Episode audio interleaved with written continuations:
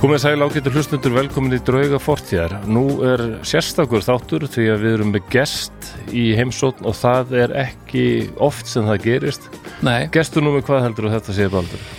þetta er gestur nummer fjögur Það var, það var uh, Guðni, Guðni- Guðni fórseti T.H. Jóhannesson Fossetti, Já, Jungnar já, Svo fengum við Villa Vilhelm Vilhelm Vilhelmsson, Vilhelmsson fyrirgeðu, sagnfræðingur. já, sagnfræðingur Já, já, kollegi uh, Einmitt kollegi þinn Yngvi Já. Leifsson Og svo er það Yfgni Nosfél sem er mættur hér til okkar. Og gekk bara strax nafnið sitt aftur bara. Já, ég meina, Það- það það- kemur það sem er búið. gestur þá er Heyri, það bara heyra það ekki, heyra þetta eftir Já, Yfgni Nosfél. Ekki? Yfirgunni er einhvern veginn ekki alveg sant, Það finnum Yfirgunni. helviti nálægt Í- Yngvi bara Nosfél. Já, Það hljóman alveg eins og okkur vondur guð úr tolkiðin heiminum kannski. já, næs Það er gott. En já, og Yngvi Leifsson er sagfræðingur og en, að ég hef nú stundum sagt við ykkur hlustundur Já, dok, doktor, ég, all, ég vil alltaf benda á doktor nemi sagfræði, já. Ha, nemi, hann er doktor Þetta er orðin rafræði. doktor. Já, já, já við til fengum að hamingju sé með hann svona. það. Landa doktornum Já, auðvitað verður að Já, gera það. já, já. já. Við kynntum doktor Vilhelm sem doktor Vilhelm, þannig að við getum ekki verið grimmari. Ég vissi það ekki til hæmingi. Ég held að væri enda að vinna rítgerðinni. Nei, nei, nei Það er heldur langt síðan sko Það er Já, helvítið. tvö ár. að- Fjögur ár síðan. Þið, Fjögur ár. þið voru ekkert að láta mann vita þessu. Nei, Nei, það er- svona er þetta Gestari, En allavega, eh, ég hef stundu sagt hérna í þessum þáttum að það eru svona um sögu sagfræðinar og hvernig sko söguspekju og sagnaritun hefur verið í gegnum tíðina og þessi hugmynd að skoða söguna neðanfrá er tiltölulega nýleg um, og það er það sem kallast á ennsku microhistory, einsaga og ég, ég mitt að það strax í hugu þegar ég fór að skoða hvað þú hefur verið að bardúsa yngvi. Má ekki kalla það, fellur það ekki alveg í þann flokk? Jú, Einsaga. jú, ég eiginlega Og- byrjaði að kynna mér Lýsingaði, eins og- lýsið aðeins fyrir fólki þá snýst það um sko staði fyrir þetta sjásalega formleg uh, skoðun svona eða verið að skoða einhverjar stórar stopnanir eða einstaka stórmenni eða, his- sko, eða history of the British Empire eða, eða saga Winston Churchill eða þessa spánakonungs eða þessa forseta Það bara sko hvar var einstaklingurinn bara hinn hin, hin, almenni, venjulegi en þú ferð virkilega Já, ef við erum með goggunaröð í, hérna í mannkenninu, þá ferð þú, þú ferð alveg skemmtilega langt niður. Þannig að þú, ert, ég veit ekki margar sakfræðingar sem hafa farið svona ofsalega djúpt í sök, einsöguna eins og þú með þessu. Því að þú hefur verið að skoða vændiskonur á Spáni Já, og ég get ekki beðið eftir að heyra hvað þú hefur skoða að segja. vændiskonar spáni Já, þetta var kannski, já, ó, nei, skoða sögu um vændiskvenna. Já, sko, ég þá hún ekki uppumlega hugmyndin að, að tala um vændiskonur þegar ég byrjaði í doktorsnáminu því að mér langaði meira að tala um uh, fólk sem væri nær því að vera eins og íslenska flökkufólkið það er til ákveði hugtak á spáni sem að er, sem, sem er píkaró sem að þýðir eiginlega bara brakari hmm. og þeir voru svona uh, svolítið út um allt og, og flökkuðu yngu á þangað en en það var bara ekki tilnætt að heimildum eiginlega almennlegum heimildum um það fólk alltaf aðalega vegna þess að það var ekkit ólulegt að vera prakkari nei, nei, nei, nei og þess vegna sk- skilur svona fólk sem er í þessi stöðu ekkit eftir sig eiginlega neina heimildi sko. Nei, þannig að þá þurfti ég að þrúa verkefnið eitthvað annað og það sem ég bjó í Salamanca það sem að er sko e, hvað ég var að segja mjög rík saga vændist þar mm Eh, Þetta er borg sem að er sko um, 800 ára gamlan háskóla og þarna voru mikið af klustrum og, og hersveitir höfðu þarna aðsettur þannig að þetta var algjör svona uh, mikið gróðra stíð skulle ég segja fyrir, fyrir vændi já, sérstaklega í kannski ímyndur háskólana því að náttúrulega voru bara menn sem fengu fyrir háskólan Já, já, og já. efnaðir menn nákvæmlega sem hefðu nógan frítíman og peningum Já, þannig að þá fór ég að skoða það en þá er eldur ekkit uh, sérstaklega mikið að finna um, um vændiskonur þannig að þá þurfti ég að þrengja verkefnið enn meira -hmm. og fjallaði um konur sem voru lokaðar inn í svo kallari galiði já, Galiðu. já, hvað var kallað galiðan uh, þá voru þá er ég komið með sko hóp hvenna sem var búið að dæma þannig að þá get ég fundið einhver gögn já, já, já, já, já, já. Herðu, sko, sko eigum við að- eigum við að slaka úr að þið verið með lestur eigum við að gera það núna áður með hellum gurið þetta já, eins og það viljið Er það ekki? Flósi, Jú. þú ætlar að Fáum hann. þú ætlar að taka þetta, þetta er sem sagt e, þetta verkefni sem þú gerir, þú ert búin að skrifa upp úr þessu, hvað bók, er það ekki? já, hún er, já, hún er svona á loka loka metrum lokastegunum, já. Já. og uh, lesturinn í dag er sem sagt, fyrsti kaplinn í þessari bó- bók já. þannig að þetta hefur já, aldrei heyrst neðst aðar áður Flósi, þú tekur þetta á þig eins og venjulega það er allt þetta hér sem þú sendir mér já, allt í seti og líka þetta, já, við, þetta þessi leikræn til þrif hérna í lokin við vitum alveg hvað þú uh, átt mikið inn í Ég hafði um- aðeins áhyggjur af þeim hérna leikarinn tilbyrjunum í lokinni. Mm. Nei, ég hef Gangi þér engar, vel bara. ég hef Nei, engar ok. ágjur þessu Nei, nei, ég er nú amatörleikari og hef oft þótt slarkvær í le leiklistinni. segðu, Já, en það er eitt sem ég hjó eftir sem þú sagðir, er, var flakk le- ekki bannað á Spáni, E, Tæknilega sé ekki. Uh, annað Ætla- en á Íslandi. Þessu, ég, það var miklu rýmra um þau lög á Spáni, sérstaklega þannig, allt er þessi samfélag. Þú þurftir að hafa leifi til þess að geta sko farið í pílegrimsferð til dæmis. Já, já, já. Og hérna á Íslandi meðan til dæmis bara betl var bannað á Íslandi, þá var það að sko að gefa ölmus á Spáni ákveðin digð. já. mm, Er, erum við ekki að sjá einhver, einhver mun þarna á Lúterstrúni og Já, Kapolsútrúni sem já, það er eiginlega. var að spila þetta aldrei sterkt þarna. Já. er það bara er, er það ekki bara eiginlega allt í þessu bara, Jó, það er svolítið munurinn sem að Mm. svo náttúrulega Ísland eh, náttúrulega svo sérstakt samfélag til þess að rannsaka ef þetta var bara dreifbíli já, það var, e- Já. það var ekki hægt að vera útigangsmaður í það var bara dreifbíli Nei, þú vildir það fyrir nánast sko já, þú veist, ég meina menn reyndu, samt að Já. það er útingarsmenn. Já, en þú veist, þá var stórum flakkari náttúrulega Já. og gast farið að milli bæ, það þýtti ekki að hanga fyrir utan einhverja kirkja á Íslandi og að betla, sko, það kom enginn nema kannski á sunnudögum. wow, Þetta er, já, úf maður. þetta er gall svo stömi En ef við, ef við henda okkur inn að lestur Gerðu það. Ok Snemmaður sunnlega heyrðu, þú voru að kynna okkur einn Já, auðvitað já, hér ekki nema þáttur 180 eða eitthvað, Mér fannst þetta verið eitthvað svo öðruvísi fyrir ekki hvað ég sagði heyrðu hastala, þetta var óþálega ég var óþálega Nei, reyður nei, ég, ég vissum að hlustendur hefur alveg örgulega eftir líka já, við fannst ég svona heldur hastur rétt fyrir jól og Ágætu hlustendur, setjið ykkur í stellingar því nú er sannarlega komið að því að særa fram drauga fortíðar Drauga fortíðar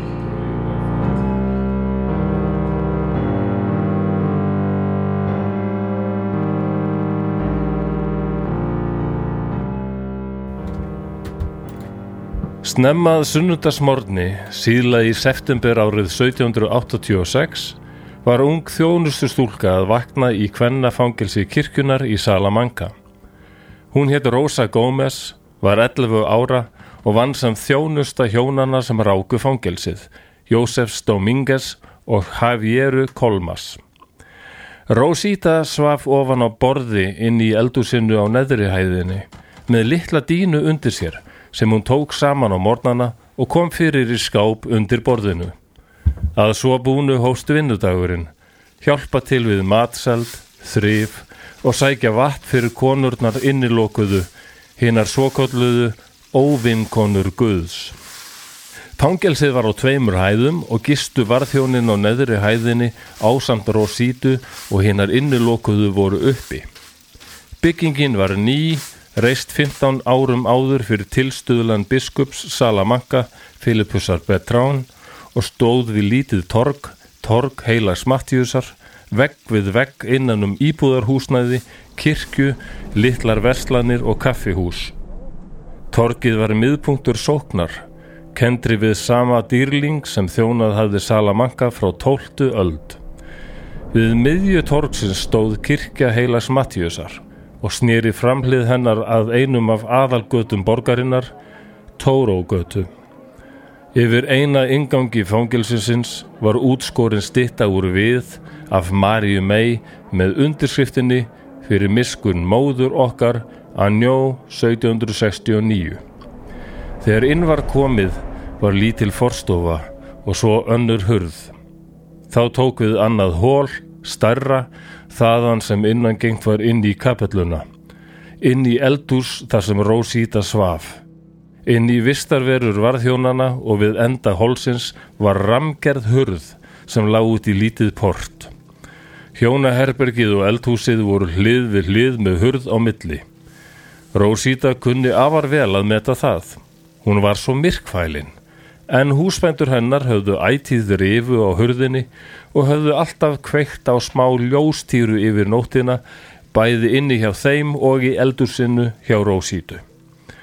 Portið var eini staðurinn þar sem konurnar á efri hæðinni komust undir bert loft og þá yfirleitt til að þvó þvott. Það var svo í verka hringur Rósítu að fylgja þeim upp aftur og læsa á eftir þeim með slagbrandi. Þær deildu portinu með hinnum frjálsu nágrunum sínum úr blokkinni, aðskildar með múrvegg. Í portinu var ekki annað en lítið búr, þar sem húsfreyjan Saviera geimdi sitt lítið á hverju, svo sem talsvert magn af þráðum og strengjum, auk mikils magns af kólum. En forvitnilega einnig hennar mikilvægustu eignir, svo sem spari fött eiginmanns hennar og fött sjálfs biskupsins yfir Salamanca. Annað var ekki að sjá í portinu nema litlu viðar hurðina að búrinu og utan á líkjandi stigar sem lá upp í vistarverur kvennana á efri hæðinni. Rými kvennana samastóð af gangi sem sá út yfir portið, einu eldúsi sem var beint fyrir ofan búrið og stofu sem var jafnframt vinnustofa og söttbrými. Þennan sunnudag voru aðeins fjórar konur læstar inn í galiðunni. Maria Olmedo, einfallega kölluð La Ocaña, eftir litlu þorpið við Toledo, var 46 ára og jafnframt elst af þeim fjórum. Hún svaf um þessar mundir í eldhúsinu og efri hæðinni, fjarrri hinum sem sváu í stofunni, vegna þess að hún var með lús. Hinar þrjár voru allar frá litlum þorpum í nágrinni við Salamanca. Næst elst var Francisca Rodríguez, 31 árs og einnið þekkt sem hundrað manna farið, La Centena. Isabel García var 22 ára og þekkt sem La Charra, sem er almennt heiti yfir fólk frá Salamanca og Francisca Acebado, án viðurnefnis var 23 ára. Ímisverkefni byður Rósítu eftir að hún hafði gengið frá beði sínu, Síðilega þennan morgun var hún að skúra þegar húsmóður hennar fór upp á efri hæðina til að sækja eina af konunum, La Ocaña, til að þrýfa einhver klæði sem hún hefði tekið til. La Ocaña var hleyft niður í portið þar sem hún kraup við þrif þar sem eftirlifði morguns. Rósíta skúraði og meðan La Ocaña skrúpaði. Stjóri galiðunar, Jósef Domingas, var utanbæjar í viðskiptaferðum þessar mundir og því hefði húsfreyjan Saviera fengið sýstur sína, Vinsetu, til að vera hjá sér í fangilsinu. Þær sýstur höfðu ákveðið að fara í heimsótt til vinafólks þennan sunnudag og voru í ani að klára morgunverkin í tíma. Skömmu áður en klukkur kirkju heila smattu þessar glumdu tvö slög var Rósita orðin eftir á með verkin sín. Hún var ekki búin að skúra átti enn eftir að sækja vatn og svo var hún enn að býða eftir að La og Kanja kláraði sín störf svo hún geti læst hana aftur inni á efri hæðinni. Þá kom húsreiðan til hennar og sagði henn að fara eftir vatninu en hún sjálf skildi sjá til þess að fylgja La og Kanja upp og læsa efri hæðinni. Galiðan stóð eins og áður segir við Kaja Toro sem var og er ein af aðalgötum Salamanca borgar þar sem hún liggur frá aðaltorginu Plaza Mayor og að borgarliðinu Huerta de Toro sem liggur til Toro borgar. Það samarskapi heitir gata með liðina Gaia Zamora sem liggur frá Plaza Mayor til borgarliðsins Huerta de Zamora og þaðan áfram til Zamora borgar. Salamanca búar sem þennan sunnudags morgun löppuðum Gaia Toro á leið á kaffihús Sumir af þeim nýkomnir úr messu, sumir sem átti það eftir, sáu öftilvill Rósítu ef þeir litu upp götuna vinstra megin við kirkuna þar sem hún rógaðis með leir ílát eftir vatni fyrir óvinkonur Guðus. Fangelsið sem Rósíta bjó í var byggt á rúmlega 150 ára gamalli hugmyndafræði, mjög trúaðurar konunum frá Vajadolíð, Magdalenu de San Jerónimo. Magdalena var aldrei nunna en lifði lífi sínu engu að síður að þeirra hætti og kynnti sig sem sor eða sýstir eða nunna á latínu. Hún var vissum að illar konur væru ástæða hnygnunar mannsins. Þær, óvinkonur Guðs, drógu menn, jættvel þá góðu á tálar og komu í veg fyrir að þeir innu fjölskyldunni farborða og mannkinunu stóra sigra. Þeir höfðu hreinan ásetning gagvart Guði og tilvörinni en þær, er lokaskildi inni í galiðinni voru uppspretta eftirlátsemi og lasta. Þeir einbeittir þar til snertir af hór, galiðunar kór. Magdalena var af ýmsu samtíma fólki þekkt sem konan á móti konum. Sisturnar Javier og Vincenta ásamt Rósítu sneru tilbaka í fangelsið úr kaffibóðinu, skömmu áður en klukkurnar í kirkju heilas Matjúsar gáfu til kynna um bænastund, um klukkan sexum eftirmiðdaginn. Um klukkan átta voru þær allar lagstar til kvílu, sisturnar og konurnar á efri hefðinni, allar nema Rósíta. Hún var að koma dínunni sinni fyrir upp á eldurspekkin í kolniða myrkri. Javiera hefði komið inn til hennar og slögt á lampanum sem ætið fekk að loga daufu ljósi yfir nóttina og lokað milli hurðinni inn í herbergi þeirra systra. Rosita var ósátt. Hún kom sér fyrir í fletinu en gat ekki sopnað. Hún var hrætt, svo myrkvælin. Þessa sömu nótt gekk einn af varðmönnum borgarinnar, Pedro Pablo Rodríguez Matas, um hverfi heilas Matjúsar. Klukkan var um hálf þrjú. Petró hafði lokið vakt sinni og var á leiðinni heim til sín þegar í hljóði nætur hann heyrði öskur. Þau komu frá galiðinni. Hjálp, hjálp, frú Javiera, Guð hjálpi okkur. Það á að brenna okkur lifandi.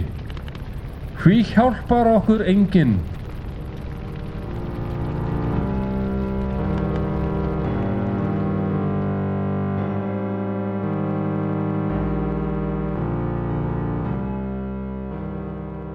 og þá er þessum lestri lokið sko, herru, ég verð nú að segja þetta bara, mér fannst þess að ég verð að lesa minn uppáhaldsrithöfund hérna Ga- Gabriel García Marquez Já. það er alveg sami fílingur einhvern veginn Svona Takk fyrir langa lýsingar á hvernig bærin og að- að- að umhverfi var og mörg nöfn tím til og já, þetta var, Hvernig var þetta framburðurinn? frábært alveg Hvernig var framburðurinn? Já, á það var honum? mjög góður. Að það ekki? Jú. Já, mjög gott. Mér sé það svo góður. Ég nenni ekki að, yfirleitt ekki að brenna, sko, því ég sé bara Saviera, en það á þetta Já, að já, segja, á að ok. segja Já, Javiera já. eins og þú gerðir, sko. Já. Það leti á mér. Já, Bu- ok, býtum við. það er eitthvað spennandi að vera að gerast Uh, hvenar, hérna, uh, hvaða ári eru við þarna, segir við? Þetta var, þetta ekki, Sjö- 1780 1772 Sjö- nei, 1700 nei, það er tilvitnun í hennan mann hérna undan 1786 ári já, 1786, já. stendur hérna já. Og, 11 ára, já og þú ert að rannsaka hvaða konu? þá, eða, sko, þannig er ég að rannsaka eh, eiginlega allar þær, ég rannsaka allar þær konur sem að ég fann sem að þau eru læstar hann inni Ok, eða hótað um að vera uh, Já, læstar já. inni og, og berða þær svolítið svona, þeirra glæpi svolítið saman og, og, sem sagt, og þ- þetta er allt saman vel ska, skalfest og, og Já. skrásett þarna. allt sem að Flósi las er, er vitnis, úr vitnusbyrðum Já, já, já. Þú, að, þú, hefur sem sagt, þú hefur skrifað svona bók áður uh, um flokk, flokkakonu hérna heima já, um, sem sko hvernig hver er munurinn á að, að reyna að finna upplýsingar um einstaklinga sem voru ansi neðalega í þjóðfélaginu uh, já, sko á Íslandi og Spáni, á Ísland og Spáni já. munurinn á því það má eiginlega segja sko að eini svona lítið náðu þessu er að þetta þurfa all, yfirleitt alltaf að vera uh, það þarf eiginlega eiginlega að vera brotafólk Þetta verður að vera brota fólk já. til þess að hafa, til að fá einhverju upplýsingar Já, reynt sakkavottur er ekki að vinna með Nei, og það er svona eiginlega eini stimpillin en, þessu, en svona uh, þetta er svona yfirleitt brotafólk sem að í dag væri ekki álitið sem slíkt sko Nei, nákvæmlega og þannig kannski þar nær maður aðeins að, að svona brjóta þann veruleika aðeins upp sko og, og notarðu þessar upplýsingar til þess að þá að, að komast að því þá lítur hún alltaf að komast að því hvar viðkomandi var hverju sinni eitthvað hvað gekk á e, og hversu góð skrásetning er þetta sko hérna heima er hún, er hún mjög góð sko hún er mjög góð Já, af því hér getur maður yfirleitt farið alltaf í eh, hvort það er kirkjubækur eða manntöl eða, eh, eða dómabækur eða hvað sem er Já.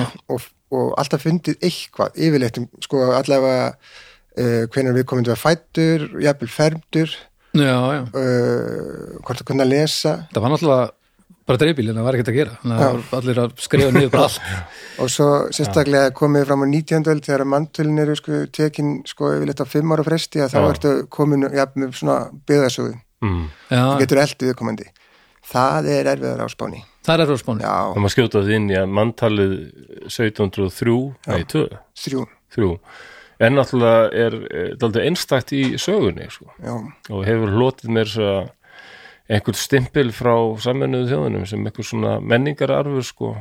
já þetta er náttúrulega fyrsta mantali sem tekið er yfir heila þjóð Já, en nú, nú náttúrulega eins, eins og venjulega ö, veit, nú, nú gef ég mér að ég veit til sirka hvað er að tala um en 1703 þá, þá var hlaðið í almennlegt manntal á allir þjóðinu sér satt Já. já, þá bara ferðuðust hérna tveir menn um Orði Magnússon og, nú man ég ekki nafnið á hinnum Ómar, Páll Vítalin ha, Páll Vítalin já, já, Páll Vítalin, já Gott að vera með alvöru, alvöru sakfræðing hérna, alvöru doktor og þeir tók, ekki, náttúrulega tók út allar jarðir líka Já, og þeir ferðuðust um, þetta er alveg frábæð, þetta er alveg stórvirki, sko þetta er, já, þetta er það sko Það Veitir er svo hvað- furðulegt með maður, en svo það er aldrei kostult að lesa þetta mandal Ég er nú handleikið, það er myndli upp á þjóðskjálasafni, sko já, Na, Sigurður Ingadóttir, að dauða komin já, Jóhann Ólason aumingi aumingi Eitthvað sem okkur nútíma fólkinu finnst svona æ, hvað, er þetta ekki daldið harkarlegt það er ekki eins og þetta hafi verið status skilur, er gerðið sér ekki, kannski ekki alveg greið fyrir því að þetta er í abstórt og þetta er í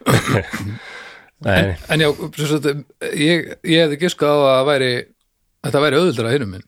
Nei, og þetta var mér að segja enn erfiðar en þetta þurfti að vera því að, að því að hérna mm, ég var búin að vera að leita að konum sem voru dæmdar í þessa galiðu Já,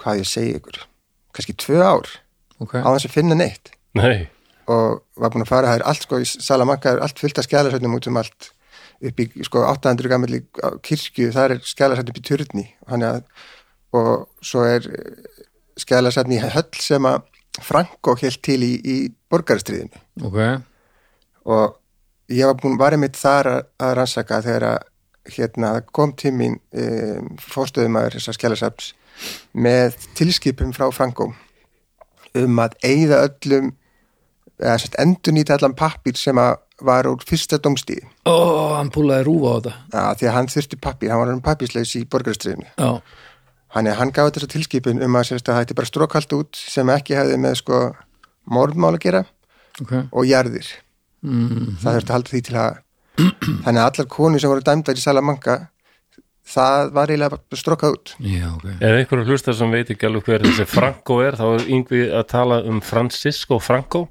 Generalissimo Francisco Franco sem var einræðisherra á Spáni bara eftir borgarastyrjöldina á í lok fjórða áratögar og já, hann lést 1975 já, Já, síðust aldar, sem sé. Ég held að margir áttu sig á því hvað spátt var lengi sko innræðis ríki bara, nei, hann var, já Þannig að þarna var, það var bara nýlega búið að reynsa út.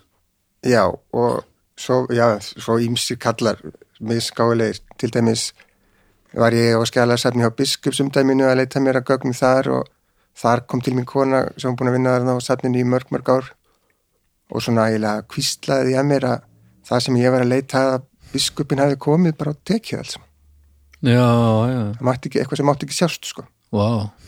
En, en máttu, má hver sem er bara stormin og hvaða skjálasamt sem er og byrja að grúska eða?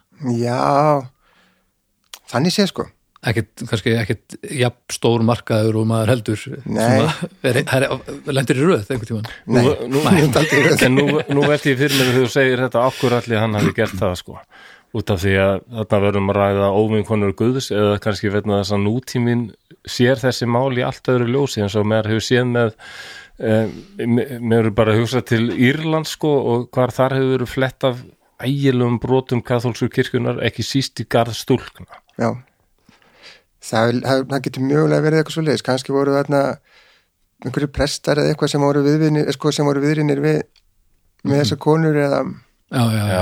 hver veit sko Nei, við vitum það ekki, nei. eitthvað til að sópa undir teppi allavega já, allavega, já, hann tók sletta en s- svo fór ég, þá færði ég mig eiginlega út í sko skjálasöfn þorpar hann í kringum Salamanca Þorp bara Þorp, Þorpana. þorpin, þorpin, já Ó, þorpin, já, Skjalasafn Þorpana. skalasafni þorpara Skjalasafn Þorpana Það er list vel á það Það hlýtur og skemmtileg skjala já, já. þá fór ég eiginlega að finna eitthvað sko ok, og þar fann ég eiginlega Já, langmest að þessum skjölu sem að svo er undirstaðan af uh, sko, sem sögum af konum í þessari bók og það eru þá þannig lagað skjöl sem að uh, biskupin bara nefndi ekki að ná í en samskonar já, já, Ég er aldrei forritin að vita sko, hver, hvernig viðbröð hefur fengið þegar þú ert að segja að þú sért að rannsaka þetta Ætli eru en væntalega er það alls konar sem finnst þetta mjög verðut rannsóttarefni en, en er kannski en það er má söfnunum og svona er, er þarna, nei bara með, í fræðasamfélaginu en hérna, Já. er kannski mörgur sem finnst þetta bara tilgangslöst að vera Já, að allt í skoða fínu. þessa sögu um, sko nei, þetta er sko alltaf eins og segir, einsagan er aðeins svona farin að reyða sér til rúms Já, já, og þetta er partur af því og svo náttúrulega kvennasaga líka sem að um, er að- einmitt líka já, farin að vera meira ábyrjandi þannig að þetta fellir að því líka og þessna var uh, nei, fólki fannst þetta bara almennt spennandi af því að það, það þekktu ekkert margir að þetta fangils hafi verið til sko. nei, Nei, og svo Hvern- bara fyndi það það var sko því að Salamanca eins og ég segi, þetta, það, það var mjög raukt hverfi í Salamanca alveg fram á sko bara níundar síðustaldar ok, uh, og var búið að vera þar í þúsund ár m, eitt stærsta svona rauða hverfi í Evrópu með París og Barcelona mér stælum magnaða því að Salamanca er ekki hefnaborg eða Nei, það er einmitt maður svona- tengir einmitt Já. þennan business svo mikið við hefnaborg Já, og ég mitt tók það fram þarna í í einhverjum texta já að, að það, er ákveð, það er mjög merkilegt en það hefur að gera með háskólan þetta og, og allar þessi, öll þessi klaustur af því að þó maður kannski tengi klaustur við ákveð skýrlífi þá er það nú ekki, var það nú ekki alltaf nei, Nei, nei, nei. nei. og það er mér sér búið að hérna, það er búið að finna göng frá svona helstu klaustrum í helstu hóruhús nei þannig að þeir þurfti ekki að fara sko ganga götturnar Þurft- þurfti bara göttur farið neðanjarðar oh. Þetta er dálítið- finnst ykkur þetta ekki- þetta er brothæli aldrei skrítið sko þarna, bestu vinur Guðs að heimsækja óvinkonur Guðs Þetta Já. Guð hefði vitað að þessu já, ég veit, já, þeir voru neðanjarðar kannski Nei, Þeir þurftum, já, Ah. Nei, þannig já, að þeir kominir á domain hann hann sér ekkit sem er neða hinni með domainið þar Já, já. djöfullin var bara eitthvað djöfusins djöfusins En getur verið að það hefði verið eitthvað svona pa- e- þetta hefði verið svona viðurkent að bara svona skýrlífir menn þurfa samt að fá út rós fyrir, fyrir saur, saurun, eða ég veit ekki hvað ég er að byggjum, segja. já, eða byggjum fyrirgefningu einhver djöfullin, Já. Já, það er náttúrulega alls konar hræstni kring Já, já, svona, það var rosalega alls konar leiðir en, hva, en þú varst að segja, sko, að margir vissu ekki að þetta að vera til, hvernig, af hverju vissir þú að þetta að vera til þetta fangilsi? Ég, sko ég sé segi, ég hérna komst bara að því þegar ég var að rannsaka um prakkarana Já, já, og, og fann ekkert nema bara einhverja svona uh, hvað ég var að segja svona alveg texta svona sem á að vera það sem ekki vitna er í heimildir heldur þetta kannski bara svona sögur, jafnvel skáldsögur um þetta fólk já, já, og þar voru þeir, e, einni sögun sem ég las voru þeir að eitthvað að hanga með vendiskonum og einu þeirra var nýkomin út úr þessu fangelsi og þá fór ég bara að skoða það og talaði ég við leiðbindi minn og spurði, heyrðu, hvað er þetta? og þannig að ég fór boltin að, boltin að rúla sko. ok og er þetta, þetta er hvernafangilsi þá bara? já, þetta var bara hvernig fangelsi þetta var sko, þetta var stopnað til þess að þessi kona sem að flossi bara að tala um áðan sem að hétt Magdalena, San Geronimo mm. uh, nunnan Já, sem, Mhm. Hún- sem eh, rak þetta eða var Já, hún sko stopp, eða sko hún, þetta var hennar hugmynd hún var sko það væri eiginlega ekki til það sem að kalla var borgarlur döðdegi fyrir konur sem voru búin að brjóta eitthvað af sér eins og fyrir kalla, Nei, það er að segja þegar að kalla er búin að gera eitthvað mikið af sér að til dæmis fangilsi voru ekki mikið notuð sko nema bara svona til að geima fólk þangað til að vera dæmt í eitthvað annað já, já, já, það var miklu líklega að fólk veri dæmt í fjórðusútlegu eða eitthvað svo leiðis en það var bara geimsla Já, og, Mm. Já. og náttúrulega kallar oft dæmdir til þess að fara á galiður konungs já, þess vegna heitir þetta galiðan af því þetta ætti að vera sambarli reksing fyrir konur Einmitt. af því þeim voru oft bara það voru bara hittar oft til ólífi sko já, bara út á götu, Ég trúi þér það var ekki til neitt svona í réttarkerinu til þess að það var ekki hægt að dæma þær neitt í- í ánuna stofnun þannig að tæknilega séð var þetta mjög framvistöndilegt hjá Magdalinu að sko setja á, þetta áttu að vera svona betrunarvist þar sem þetta er bara að læra að vera góð og kristin Já, stúlka. svona eins og, eins og að tala um þetta, þessi sam, sambærilega stofnanir á Írlandi sem hafa mikið verið hrettum Ég veit ekki hvort hefur séð myndina The Magdalene Sisters Nei, Mm. hún er sláandi, hún er fjallar um þetta mitt. ok Já, en ekki, það er ekki vendiskonur þessast unglingstúlkur sem verða óléttar sko, Já. fyrir utan, utan hjónaband og það er meira þess að sko, fórnalamb, fórnalamb, eða þólendu nöðgana þarna sko, já, já, og eru bara sendar á svona heimili og þetta, það, það er búið að fletta svo mikið af, af, ofan að þessu Írlandi þetta er, þetta er bara einn eh, þetta er ein ó- ógeðsleg orma grifja, það er bara þannig maður tala um þúsundir mann skilvilt. Já, já. og þetta áttu að vera betur en þú veist en hvernig gekk það? Það var ekki sérstaklega, gegn ekki sérstaklega vel. En þetta Svo, er- svona lagað fór yfirleitt bara, í mitt varð bara geimsla. Já. Nefna, ég veit ekki, ef einhverja hlusta sem hefur komið til Valensíu, Hmm, mm. þá var þetta borgarlið, það eru tveir turnar mm. og í þessum turnum var svona galiða og það var eiginlega eina galiðan að spáni sem var almennlega reikin. Já, ok, En, og það, það gekk sem sagt Já, hún var allavega talin, sko, hún var hrein og, og, og, hérna kórunar hann inni, það er höfðu alltaf eitthvað fyrir stafni sem að var svona hugmyndin Já, já, já, og þetta er að vakna snemma Það finnst og, mér og byggja og svo þetta er að læra eitthvað og svo þetta er að vinna eitthvað og svo Hversu, þetta er að byggja aftur og fara svo. hversu Já. súr pæling hefur þetta verið þegar einhver pitsar þessa hugmynd á þessum tíma?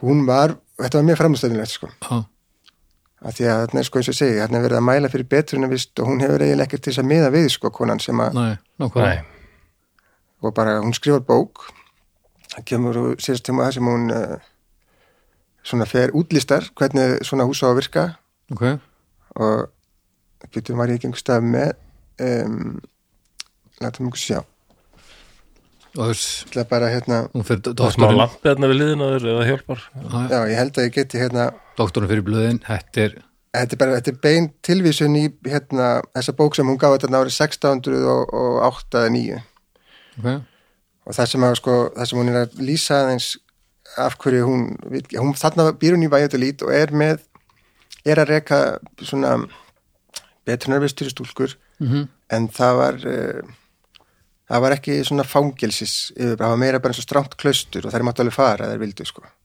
já, það var svona svo kvíðafrika Já, það var allavega þannig sko og jafnvel sko sendu fóreldra stúlkurnar sína ánga ef að þeim þótti að þær væri ekki, ekki haga sér vel eða Já, slíkt já, og- já, þannig að það var svona pælingin í alveg að hjálpa fyrir hvernig að Já, og, en henni fannst það ekki ganga nóg vel að því að hún vildi sérst að það væri hægt að dæma konur inn, sko, ok, í staðins að bara eh, hérna lúskraðin út á götu, sko. Mhm. Mm En -hmm. hún hefur nú verið uh, já, þannig séð er það alveg réttri leið svona. Hún hefur- Já, sko, hugmyndin var ágætt, sko, já, en hún var rosa, það var mikil heift í henni, sko, eins og kannski... hérna, Já, eins og kom fram þarna sko. Já. hún taldi, já, það er, þetta veru konur sem veru eila, já, nánast eins og hún lýsir bara handbendi satans og Já. það, það heyri maður svo oft í þessum sögum bara við, þegar við tókum við gerum þáttum súfragetturnar þetta poppar alltaf aftur upp Já. að satan á svo auðveldara aðgengi að konunni heldur um karlinum Já, eins og bara gerð, eins og eitt ákveð atvik sem átti sér stað í svona fallum listigarði sem var til þess að tvö dýr voru fordæmt að eilöfu, það er sem sagt kvenmaðurinn og snákurinn já, og eplið eh, spila stóra röðu en það er almennt ekki gott að vera, þú veist uh, uh, stopnun þar sem að svo sem ræður heldur að allir hann séu, þú veist einmitt, frá satani, ég myndi ekkit fara með stelpunum mín á leikskóla ef leikskóla kennarin myndi bara halda líð eins og þau verður bara frá helviti það verður bara vesend, Já, það verður vissum en já, fyrir ekki þau þú varst, allt í góð, ég bara hérna var að reyna að finna uh, akkurat, na- sko, þetta er svo langt nafnið á bókinni sem þessi kona gaf út, sko. ok, drafðu mækina aðeins niður til þeim bara, Já, og ég var að reyna, var að, reyna að finna hvað ég var með þetta sem sagt, já, þetta nafn ok Baldur segir eitthvað brandar á meðan Já, hann hún leitar ætti alveg að að segja eitt brandara það er séð brandara, þess. Það kemur eitthvað ölabrandar í, í hug bara strax Já, ég segi þér, ég hef búin að segja upp á alsbrandar minn frá því að ég var bann svo oft samt. Nú er Hva, það. hvað er rautt og ósynlegt? eh, Lofa kommunismans Næ, engin tómatur. Já, já, ekki það. Ó, Góður þessi. ó, Og hvað er líkt með sítrún og fíl? Eh, hvort þeirra er týristýr? Bæði gul nema fílinn. Þetta var annar af, Já. svip, af frá svipum tíma, sko. Okkur, já, já Og svo hérna, hvernig hund uh, eiga, eiga hérna töframenn? Hvernig hundir eiga töfra með? Hvernig hund eiga töframenn? Já. Eh, þetta, eh, nú er ég alveg gæti, hund sem hægt er að skipta í tvend Nei, hérna eh, Labrakabra- Dabrador Já, já Já, þessi var aldrei svona Og hérna á, á hvaða leikskóla uh, var Terminator eh, Albi Bakk A- a- Albi Bakki Nei, Albi Bakka nei, að hérna Cyborg Sæborg Já, já Þetta var vinna Þetta er það Ég fann, ég ljóðandi. fann finna nafnið Sko, Já, ok, gott Já, þetta var- Nafn þetta var brilliant. bókarinnar sem sagt heitir Ástæður og framkvæmt galiðunar og hins konunglega hús sem konungur okkar og herra fyrirskipar að framkvæma í þessum konungstæmum til að refsa ráfandi konum, þjófum, hórumömmum, galdrakonum og þess að það líð. Já, Vá, ok þetta er ekki smáraðis upptalning hann Nei, og, og, og svo framvegis, það var alveg vittur heldur. Já, já, já. og svo bara beint í galdrakonur og, já, Já, þetta var, þetta var fyr, bara fyrirsögn með það Og það er hérna sko, áður en hún skrifar bókina þá er hún að lýsa því sem hún sá þarna þegar í Salamanca. Nei, fyrir gefið í Vajadolít. Já. Og segir að margar ungar konur ráfa um aðgerðalausar þar á meðal ungar stúlkur 16 ára og jafnvel yngri sem halda sig ekki að neinu öðru en ósiðum og göttuhórnum og við hurðir húsa og bjóða hryggilegu mönnum sem eru kærlausir og þær á vegum satans að falla í döðan synd og þær falla og þeir falla. Þær fara um hesthús hefðarmanna þar sem þær finna hóraða aumingja, vikarpilta höfingjans og leiða það í fristni ef þeir eiga kling. Að morgni raka þær saman gróðanum og bara á gistihús þar sem þær eigða deginum í að sofa, borða og liggja flatar þar til nóttil kemur aftur. Wow já, þetta er bara eins og Jóhanna, Vá. Jóhanna Knúsen hefði getað skrifað þetta Já, ég mér var stundum hugsað til hennar. Er það ekki? Jú, uh, Já, Mm, Já, Jóhanna Knúsen er sem sagt fyrir þá sem kveiki ekki alveg á þessu hún já, hún var að rannsaka mikið stúlkur sem voru tengdust uh, ákveðnu ástandi sem átti sér hér stað á stríðsárunum sem var reynda bara kallað ástandið, nú held ég að flestir kveikið á þessu og aðferðið hennar þóttu eh, þykja núna í dag alveg forkastanlegar og bara framkoma samfélagsins við margar af þessum stúlkum já, bara já, það er ég held reynlega að það sé búið að byggja stofinbeli afsökunar á þessu bara. allir vona já. mér minni það ég- bara Katrin, en það er ekkert langt síðan sko minni það bara Katrin Jakobsdóttir sem sagði bara að þetta væri svartur blettur Já, þetta var svona ástandskísla sem hérna Jóhanna var svona, já, þetta, þetta er alveg fáralegt, það er, það er annar þáttur og það er fyrirleitt hvað, einmitt hvað þetta hefur sko hákið með okkur mannfólkinu að að konurna séu, Já, ég er farin að sjá rauðan þráð þarna sko. já, það séu það er allt þeim að kenna Já, alltaf. Já, Þannig að- eh, þarna erum við með patriarkið algjörlega, Já, já, já Eh, alveg í nótskvöld sko.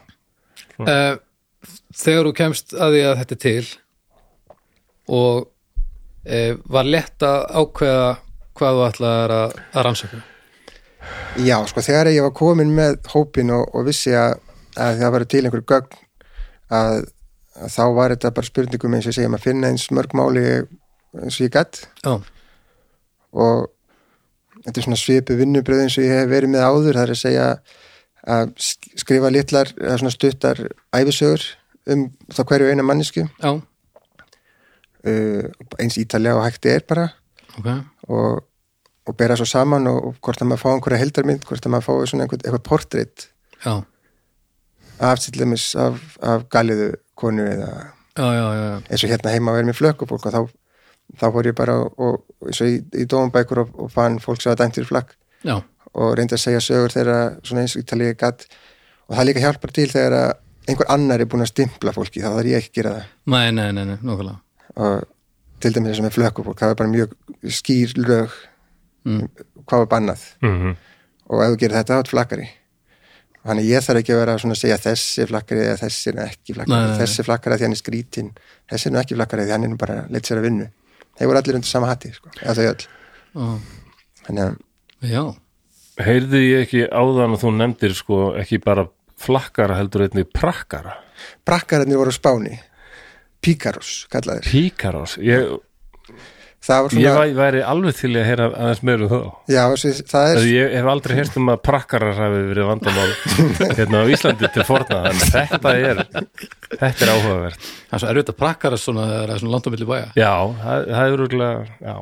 brakkarar voru eiginlega bara á, eins og spáni, sko, þeirra flökkufólk, sko, Já, má já, segja svona, píkarar kannski eins og e, svo ímynd sem við höfum af íslenska flökkufólkinu svona, Sér er lundaðir listamenn og, já, einmitt, sko, já. svona já, Svona eitthvað- frávik frá uh, samfélaginu. já, Uh, bínskrítnir uh, já, já. e, alltaf einir á ferð og kunna syngja og dansa jafnvel og já. fara með sögur og, og svona vinna fyrir sér ef við getum sagt sem svo um, ánan máta heldur en flestir aðrir Já. Já, já. En á Spáni, var það sama? já, það var bara einmitt mjög svipa sko, með Já, brakkarana já. sko. Huh. en það var bara ekki ólulegt Prakkari, hvað er þetta bara svona hirðfíls? Svona já, nafn eiginlega? svolítið sko Já, brakkar er nú eiginlega- er bara mín þýðing sko, ég Já, já, já. hef ekki séð nákvæmlega hvernig þetta er hvort þetta er í orðabókunni sinni sko, Nei. píkarú þetta er gott. Þetta er alltaf góð þýðing. já, þetta er svona passar bara við þeirra svona s- s- það var svona þeim var ekki tekið alvarlega sko Nei, nei, nei. og voru kannski smáþjófar stundum og já, já. svona eins og íslenska flökkufólki En voru þetta kannski stundum menn sem voru að bjóða upp á einhverja svona sýningar á göttum úti eins og við sjáum bara það, það í dag Já. sko, þannig að- að svona, hvernig segir maður jökla á íslensku Já. Djögla, með D-J-Ö bara. eða ekki, mér finnst það bara ljómandi jökla Jökla. með svona bolta og Já, eitthvað svona, þetta heitir svona, svona eitthvað lítil svona- töfrabröð og svoleiðis segir já, hann kannski. já, einmitt, einhverju gáttu verið með þannig og aðri með eitthvað annað og Já, bara svona já. En svona, já, þú eru glæð reikið á mikinn mun einmitt, samfélagsgerðin á Íslandi er svo sérstök þetta Já. voru engir bæir, nei, já, mann einmitt, eða þorp nánast ekkit neitt nema bara eitthvað rétt í kringum kaupstæðina já, Ætla, reik, eh, svo Reykjavík var svona smá var smá þéttbíli en ekki nóg stort þannig að þau geti verið útigangsmaður þar sko nei, meni, og, og svo nákvæmlega, voru þetta ekkert fyrir utan skál, holt á þriðu degi að djögla, sko. nei, Nei, einmitt, sko. en það voru samt svona Bara menn bara eins og úti. glendur dúlari til dæmis sem hérna já, fekk stundum bara borgað fyrir að dúlla já hann var, hann var síðar ekki, hvað er hann ekki bara, hann er 19. aldar maður held ég. Já. það er rétt, hann er síðar sko. og, en já En Þetta, þetta verkefni er doktorsverkefni, þetta er ekki. Já, eh, sko, já, þetta er nú er ég að, sko, s- að þýða eiginlega upp úr doktorsíkirinu minni af því hún er á spænsku Já, og gera hana aðgengilegri uh, svona fyrir almennan lesenda sko. já, já, já. þó svo ég þetta, ég, ég, ég sem ekkert í eigðunar eða neitt slíkt heldur einu bara frekar að hafa þá frásögnuna Já, þannig að beint upp á skjölum, eða, já, og það sé framvinda já, já, þess að kynnist við fyrst Rósu litlið sko af því að hún verður, ég hengi mig svolítið bara á hana ok, og við fáum sko þrýrkablar þar sem að hún er kemur fyrir og það er svona svolítið, þá hangir sagan svolítið saman á því mhm. en er þetta söguleg skálsaga? nei, þetta er Þú ekki krossar ekki yfir í nei, ég hef ekki, það ba- mikla bannsvæði sagfræðin.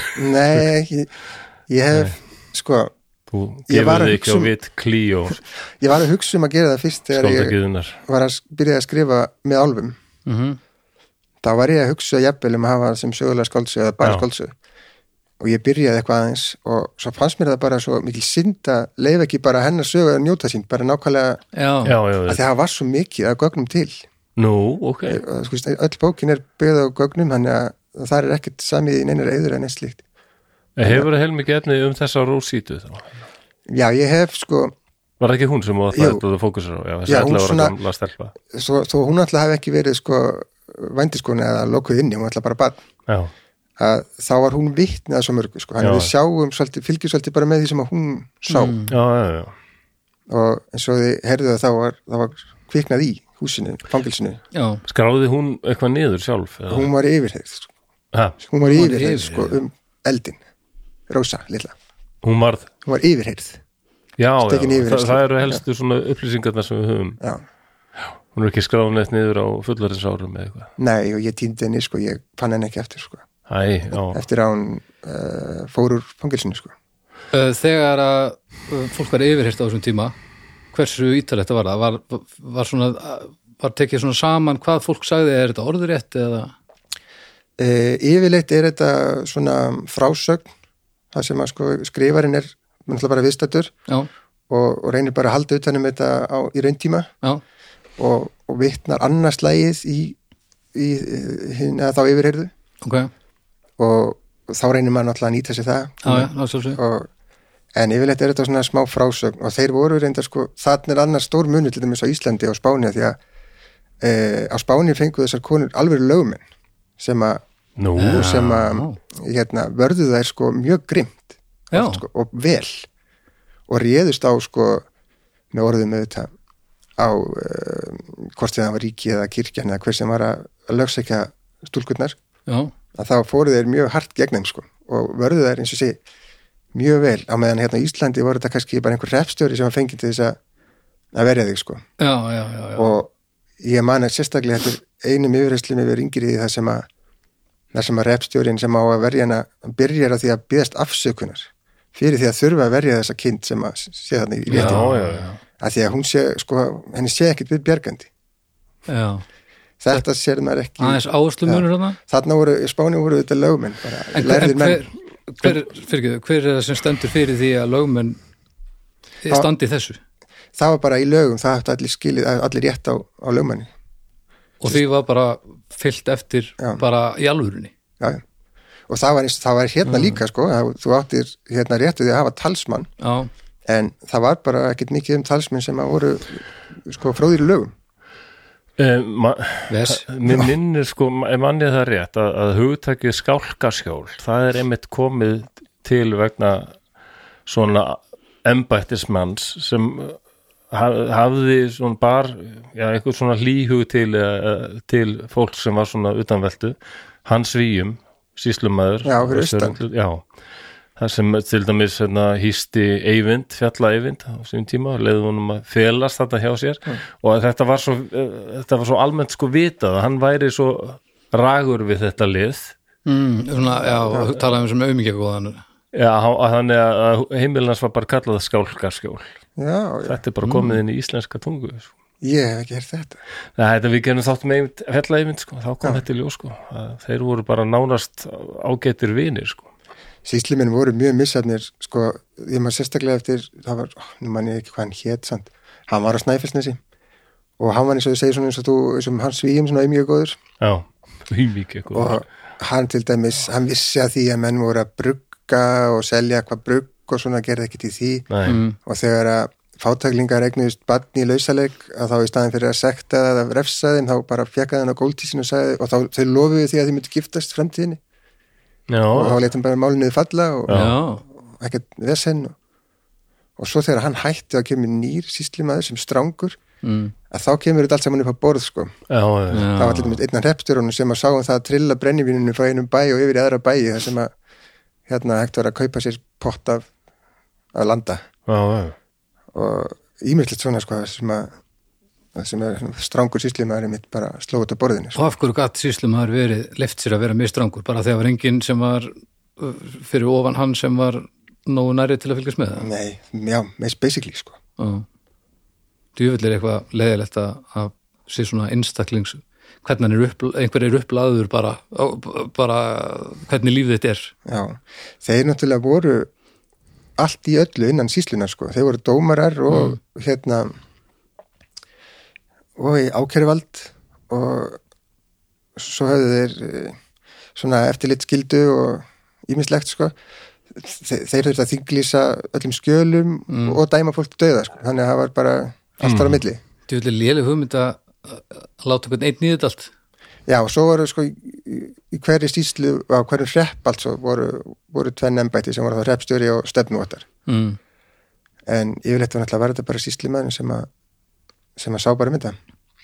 já. Ó, ég hef ekki vilja vera síslumæður Nei, þetta, þetta er þetta hljómar ekki vel sko Það er nú myndu, það samt eru freka örugglega vilja vera uh, smali. Já, ah, já, svona upp á upp á að það að gera vera með nokkuð, nokkuð hreina þú veist nema náttúrulega að vera síslumæður sem gerir þetta almennilega, vissulega verið það ekki en það breytir ekki að þetta sem þú taldir upp ætti ekki að vera í höndum eins, einstaklings Nei, það undir var neinum kringustæðum það var ekki alveg svona þrískiptingin þarna sko. Nei, Það var eiginlega bara allt á hans hörðum, á hans herðum.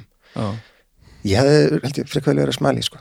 já þú veist og, og, en en maður reyði náttúrulega ekkert hva, undir hverju maður væri, ma, maður er ekkert að flytta spúferlum svo auðvitað á þessum tíma sko. Nei. bara eitthvað, herðu, það er nú hefða einhver drulli Nei, yfir það, þessu hérna það var náttúrulega bara bannað Það fyrir út, já, já, það sjálfsög var að banna já, já. þannig að þú sast uppi með þinn síslimenn sko. Ó, þetta er, þetta er lottó sem að skiptir ansið miklu máli Já. og það var síslimenn í þingjasísli hann var eftir að dæma fólk sko, gagvart sko eiginlega úrheldin lögum dæmiði æ- ævilegt fangelsi í kaupmannöf þegar að það var ekki einu sinni hægt að sigla þangað út af Napoleonstríðunum eða Já, já, já, bara, það var bara í, þetta var í lögunum það var ekki búið að breyta þeim Nei. það var alltaf í það harðasta vá dæmdi konu einu sinni sem að hérna, hafi kveikt einhverja smá ljóstýri inn í einhverju hlöðu þar sem hann var að reyna að stela einhverju okay. eldurinn fór úr böndunum og hlaðan brann og þá dæmdi hann hann fyrir morðbreinu þess að hann hafi bara mætt hann þess að já, já, kveikja í bænum og drepa alla sko. já, já. sem allir vissu var ekki rétt en já, já, það var Magnús, að var harðast Magnús Stefánsson Magnús Stefánsson, þetta fór fyrir landsýr og hann sagði þetta er bara byll Já, já. send, send, Já, hann bara- já. send hann bara heim Ok, en hún, veist, hún fekk einhver nokkur bandarhögg þessi kona já, já. djúðlega þetta súrir tíma ha. Já, okkur finnst það en þetta var þeim Já, ég meina bara algjörlega eðlilegt. svona var okkar það. tímar eru uh, súri tímar annars fólks Já, það liggur já, fyrir eins og við oft talaði um sko, hvað, það væri svo gaman að vita hvað fólk eftir 500 ár þætti fáránlegast í okkar fari sko. ha, Já. þau voru bara að geta smjör ég veit eitthvað svo leiðis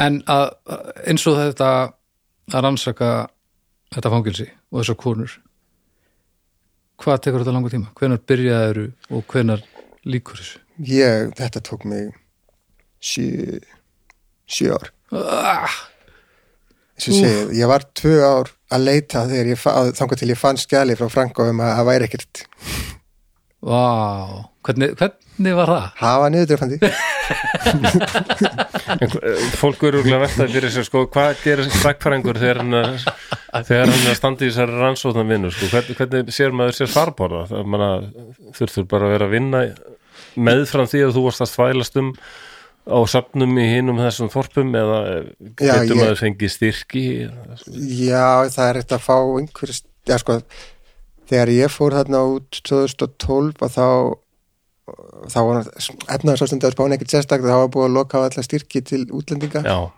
í doktorsnám það var mjög fýtt styrkur í bóði bara rétt áður en uh, ég fekk námslan í eitthvað smá en svo er ég bara komið yfirleitt bara heim og var að vinna hérna á þjóðskilurhenni Já, já, já. og já bjóð bara hjá sýstu minni eða einhver staðar og já, já, og það var bara no- nokkuð drútt í svolítið tíma já, Já. þá get ég farið aftur og, og bara með með sparifjöð já, með þrútið verski já, Já. En sjö ár, já, helvitt er það það var fljótt að líða sko Fljóð, Ég- er þetta, já, ég var nú næst, næstu búin að gefast upp sko þegar ég fann þetta ja, þegar mér sínt þetta skjál frá Franko sko. já, það minna litli, það, þú veist það var það fór alveg það langt að ég var eiginlega farin að já, að hugsa um að hafa samband við háskóla í Ísland sko, þetta get, get, get ekki bara komið heim í doktorsnám og já, já. haldið áfram með flökku fólki eða eitthvað og af hverju ákvast að halda áfram þarna, það er bara, einhvern veginn það er ekkert búin að, sko, það er ekki góð tilfinning að gefast upp, sko nei, Ég- það það er drasl Já, þannig að ég ákveð bara að pró- að prófa að, hérna, eins og ég segja, að skoða skilin úr þorpunum og þá fór þetta að rúlla, sko. uh, hversu hvernig var þetta ferli fyrir þig þú veist, gaman stressandi, leiðilegt Yfirleitt gaman, sko. Ég hef svo gaman að ég að glúska í skilum og Salamanca sem segja ég er með svo f- frábær skjálasöfn. já, Uh, frábæri því, frábæri því leiti kannski að, að því að svona, hvað, eins og ég segi, hvað er þeir staðsetti, svo eldgamalli kirkju eða í biskupshöllinni eða já, í gömlum bækstöðum Frankós eða eitthvað svo leiðis. já Þannig að það er mjög gaman. ekki svona í einhverjum asbestkompum eins og Nei, já, þannig það að er það hefur verið einhver ástriða sem knúðið áfram Já, og bara Sko, þú eins og það sem að knúðum mér líka kannski áfram bara, ég vissi ekkit hvað ég myndi þá fara að gera ef að þetta myndi ég ganga upp Já, sko. nei, ég nei, skil, nei, já. nákvæmlega En það er svona sum, stundum tala sem sakfræðingur um þetta sko hversu mikið má maður tengjast sko efninu getur verið að þetta fólk hafi kannski náð eitthvað til þín og þú- þegar þú hafi verið neða ekki svolítið romantískur hérna heldur betur þú verið svona knúin til að segja sögu þeirra og það er spilaði eitthvað inn í já, þegar bara þegar, þegar þú segir það þá er, eiginlega- er það þá er það ekki fyrir legi sko Það er oft sem sakfræðingar bæli þessu sko, menna eigum við að vera alveg hlutlaus og bara, en, en við erum all sko fó- fólk já, og við getum tengt við sögu fólks þrátt fyrir- þrátt fyrir þessu hundruður ára á milli ég, þetta, þetta, En það er líka rosalega mismöndi hvort að hlutleysi liggur í hvort að þú tengist einhverjum tilfinningalegum tengslum gagvart fólki eða hvort að þú ert, þú veist farin að hliðra staðrind. já, það, það eru það er sumir náttúrulega alveg það er, það er það er sko. neini sumir, sumir sem það, eru já, hrættir það er við þetta náttúrulega augljóslega það sem verður að vera til þess að þetta Já, sé já. það sem þetta er. það er sumir hrættir við þetta að þú megið kannski ekki tengist þessu innum og sko að fara að skálda eitthvað upp en ég held að það sé En meina, ef- lítil hætt á því Já, það er sko, yfirleitt, maður En mér græðir er bara ekki það gaman, sko. ég las ekkert um henni sögu, Nei, Nei, nákvæmlega. mann ekki hvort það er Íris Ellenberger eða einhver annar sakfræðingur sem var að rannsaka daldið mikið sögu einnar konu og hafði aldrei sem mynd af henni og einna svo fær hún alltaf að vita að það er til mynd af þessari konu ég get rettað þér henni og þegar hún sá mynd af konunni þá fekk hún bara kökk í hálsinn Já, hún, hún vissi nú þegar svo mikið um þessa konu sem, sem var löngu dáin sko. og bara sjá hana þetta þá, þá gerðist eitthvað já já, ég Þessi, get alveg er, trúið þetta því var skemmtileg grein hjá henni hún var að spá um þetta sko. erum við ekki bara við erum samt mannfólk sko. þáttur að við séum ykkur fræðumenn þá er alltaf þessi mannlegi þáttur dálítið sterkur líka já, já, það er örgulega mikið til í því sko En svo eins og þú sagðir hérna, maður, þú þú laumaðir hérna inn, svo græði maður ekkert á því. Einmitt ef þú skrifar einhverja þvælu þá náttúrulega kollar einhver búlsitt. já, já, það, það á að gera það sko Og alveg það- leið Já, og það, það er ekki betra fyrir uh, efnið nýja þann sem er að búa til eða nokkuð. Nei, þá ertu komið með eitthvað svona skáldverk sem bara, Er bara annað. sem er bara allt annað sko, já Já. það er þessi, þessi ægi sem að maður svona uh, tilengar sér þegar maður byrjar í sakfræði að hann eiginlega verður uh, svona, já, undirstaðan Já. það er að segja sko maður vill ekkit vera semjinn í eðurna sko, því að það er, Nei. það er ekki að fara að hjálpa neinn sko, Nei. að skilja söguna sko. Nei, nákvæmlega. Eh, Þessar konur sem þú varst að fjalla með hana, þú týndir Rósitu já, sem er þá, þá er hún ennþá bara barn eða? já, hún er já, hún er bara eins og sé, hún er 11 ára þegar þetta gerist sko. Já, og ég hef bara eiginlega eitt ára af efinni, sko, mestalegin ok. Uh, en hinnar, hversu, hver, þú veist, hver- hversu langt getur þú fyllt? ég get ekki fyllt en mjög langt sko. þetta er, með hinar korunar eru þetta eiginlega sögur þeirra eru nánast bara byggðar á sko, þá brotunum, þessum myndu brotum Já. og þá bara fer það eftir því hversu langt aftur þær vildi rannsaka sko. Mm -hmm.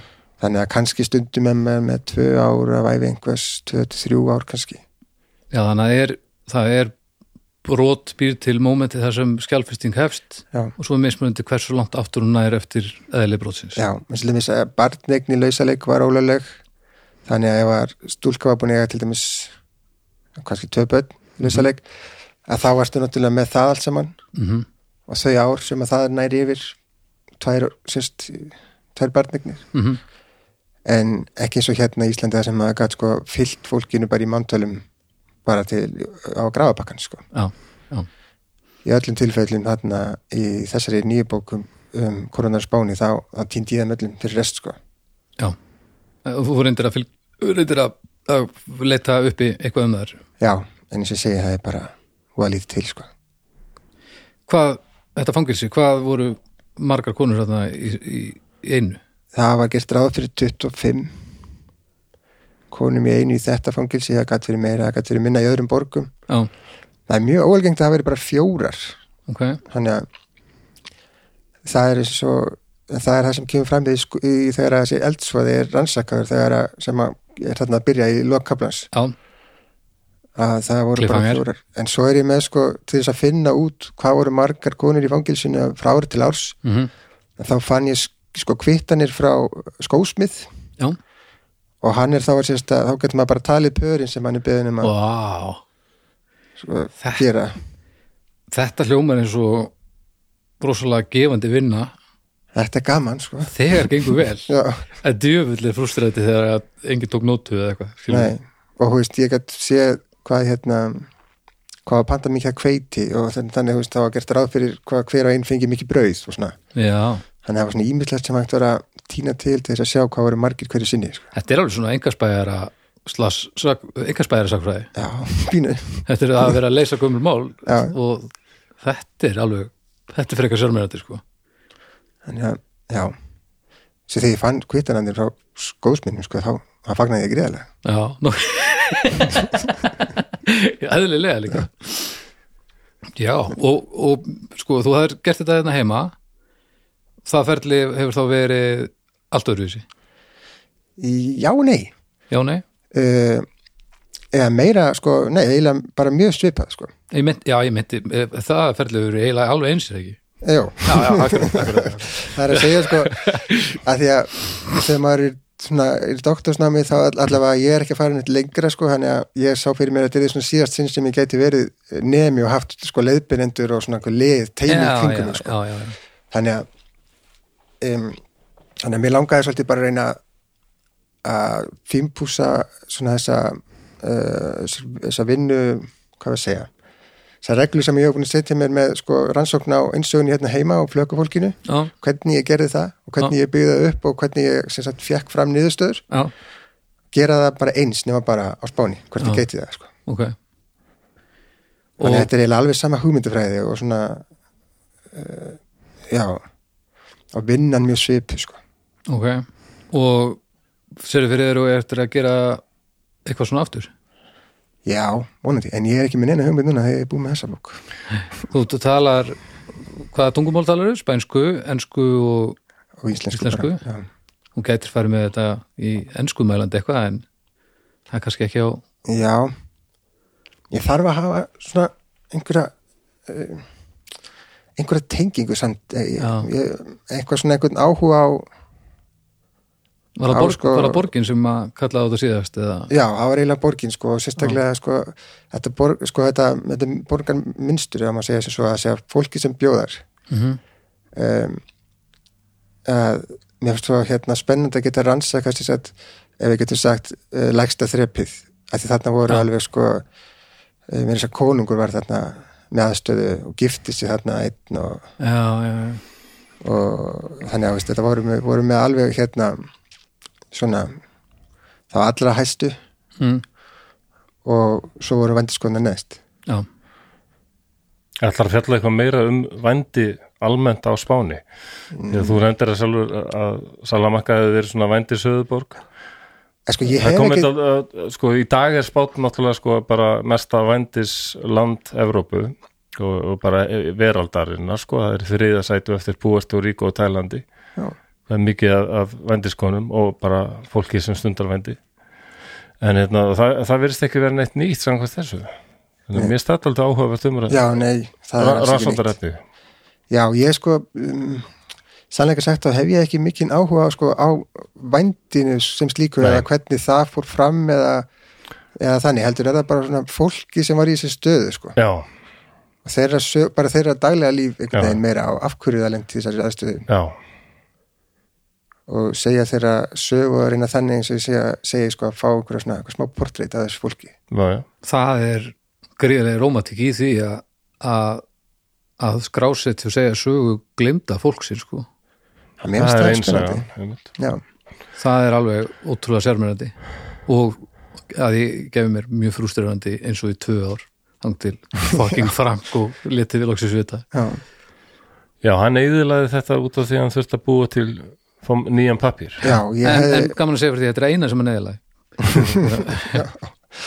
Já, blessaði kallinn, hann er nú miskilinn blessaði kallinn að það Já, Hann reyð þetta land náttúrulega alveg upp að því anarkistarnir, anarkistarnir og kommunistarnir ætluðu bara að keira þetta allt í kaf og nei, nei, nú er ég bara að tala eins og alvöru svona nasjonalisti hefði líklega talað eins og þeir tala í dag sko. en já, eins og þeir tala í dag akkurat, sko. það er skellilegt ástandið þetta núna sko, með hvað er mikið fastum út um allt kom, já, kom, það er allstað kom baki fórsistum Já, já, Salamanca er mikil fasta borg sko já, já.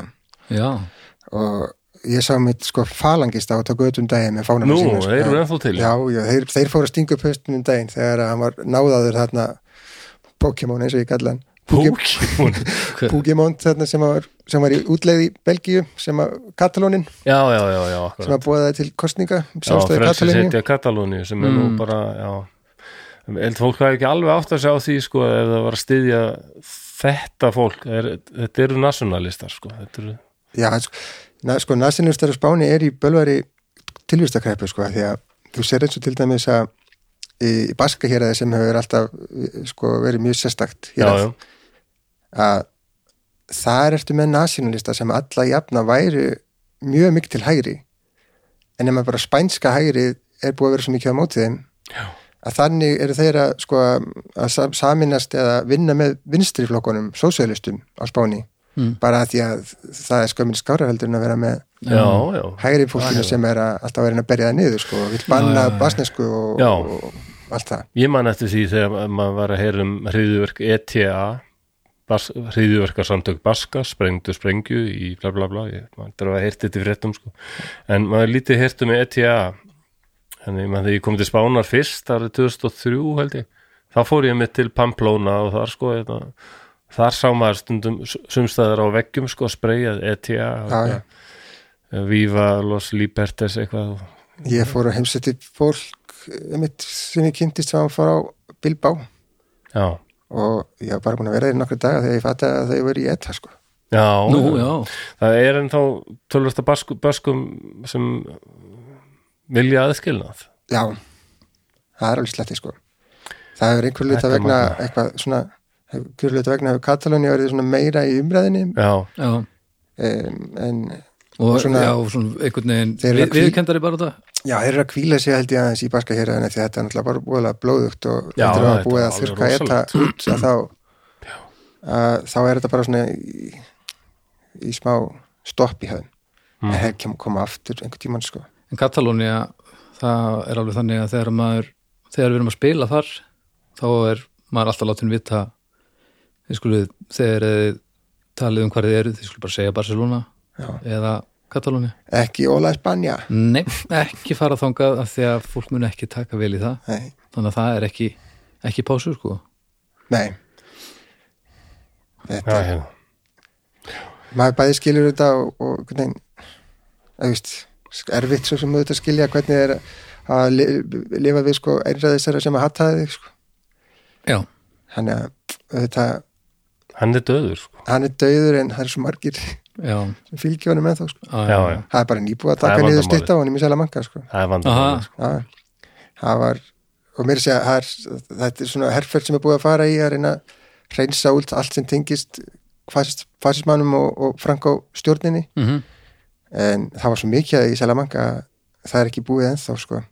þegar ég var til dæmis að rannsaka í, í hérna skjölinni í biskupshöllinni Mhm. að þar er svona búið að það er skorið út í veggin af því að Frankó var það sko þegar með, með bækistöð í, í borgarstriðinu ok að þar var skorið út í veggin og bara fallega gert sko, þetta var ekki eitthvað hérna, eh, eitthvað Ekki skemmtaverk sko, þetta er alveg í eitthvað- ramma og allt það er ekki eitthvað kúkur og piss nei, það þetta stóð bara hér bjó og hérðan styrði Frankó okkar kristilegu herfur og það stendur ennþá sko já, já, já já, bara En það þegar þú er lappar stutt inn síðan að hann þá- var fluttur úr þessu þessu ótrúlega, hann var nánast var grafin í einhverju svona grafísi sem var hálfgjast svona heilagt hof í dalurinn hérna, er fellni hvað heit það, Væjet Los Kajos já, hérna. Kæðos, já, Já, dalurinn nei. er fellni yfirleitt kallaður, já. Dalur hérna föllnu hetja eitthvað svoleiðis eða já, bara dalurinn er fellni Já, innan fallinu, já. Og það er búið að fjarlæga hann þaðan, sko. Já. nú hvert, hvert fór hann Það er nú það, ég veit ekki hvað hann er. nei, ég man ekki hvert það fór, það voru sko það nátt að grafa í allar sem að hafa verið sko drepist í borgarstríðinu okay. þannig að það voru fyllt af kommunistum sem voru krafnir með Frank og það- fólk- fólk verið ekkert endilega hrifið Nei. já, já, já, Nei, nei, nákvæmna erur já, hérna hér. nákvæmlega erjur já, Já, já, en þetta var svona hliðarspor frá Já, við förum vændiskonunum. já, já, En já, við þurfum að taka fyrir, Baldur, við þurfum auðvitað að taka fyrir borgarsýrlutan spáni. Það geti nú orðið meira en eitt þáttur. sko. já nú er eitthvað er eitthvað úr að móða þar eða? Vá, maður. já, ekki ekki mislið það það eru nokkrar borgarstyrjaldur sem býða okkar, sko. Ég er ennþá svona satnaða kerki að fara í bandarísku að borgarstyrjaldur. fara yfir, Já. mennaru Fara yfir. já, að, þú veist, að kíkja á, og, og gera skil í þessum þáttum það er ekki margar borgaristildi sem býð okkar bara að það Já, hver veit sko því ég er Nei, svo vonandi helviti illa undirbúin Já, vonandi ekki, þetta eru Ég- verstu, þetta eru verstu styrjaldi sem er ég, er með, ég er vissulega með bakpoka en það er bilaður einlás og þannig að ég er ekki að fara enginni borgarastyrjaldir hvað er geta verið ossalega brútal já, og bara grimmilegar fólk er alltaf verst þegar það er að berjast við sitt eigið sko, slátara sínum eigin Já, veðrum og líka- sýstrum líka er, eru aðrir setni að koma til til hjálpar Það eða- er þetta sín langt í það að verði eitthvað hérna Hofsós lýsi við sjálfstæði og, og við bara grípum inn í það með vopnavaldi og Nei, frelsi segir Hofsós og rýst til vopna og það það verður er allt ekki brjálað það verður bara svona skýr katapult Já, bara svona já sem betur fyrr Já, En þú, þérna, þú kláraðar þessu rannsókn og varst doktor. Þú ert að klára, já, að, að, sem sagt, þú ert að þýða þetta upp úr ritgerinni, já, Og eh, bú- vinna þetta upp úr henni Vinna þetta upp úr henni, já, já. meira kannski, já, ok, og að gera bóka það. já Næs.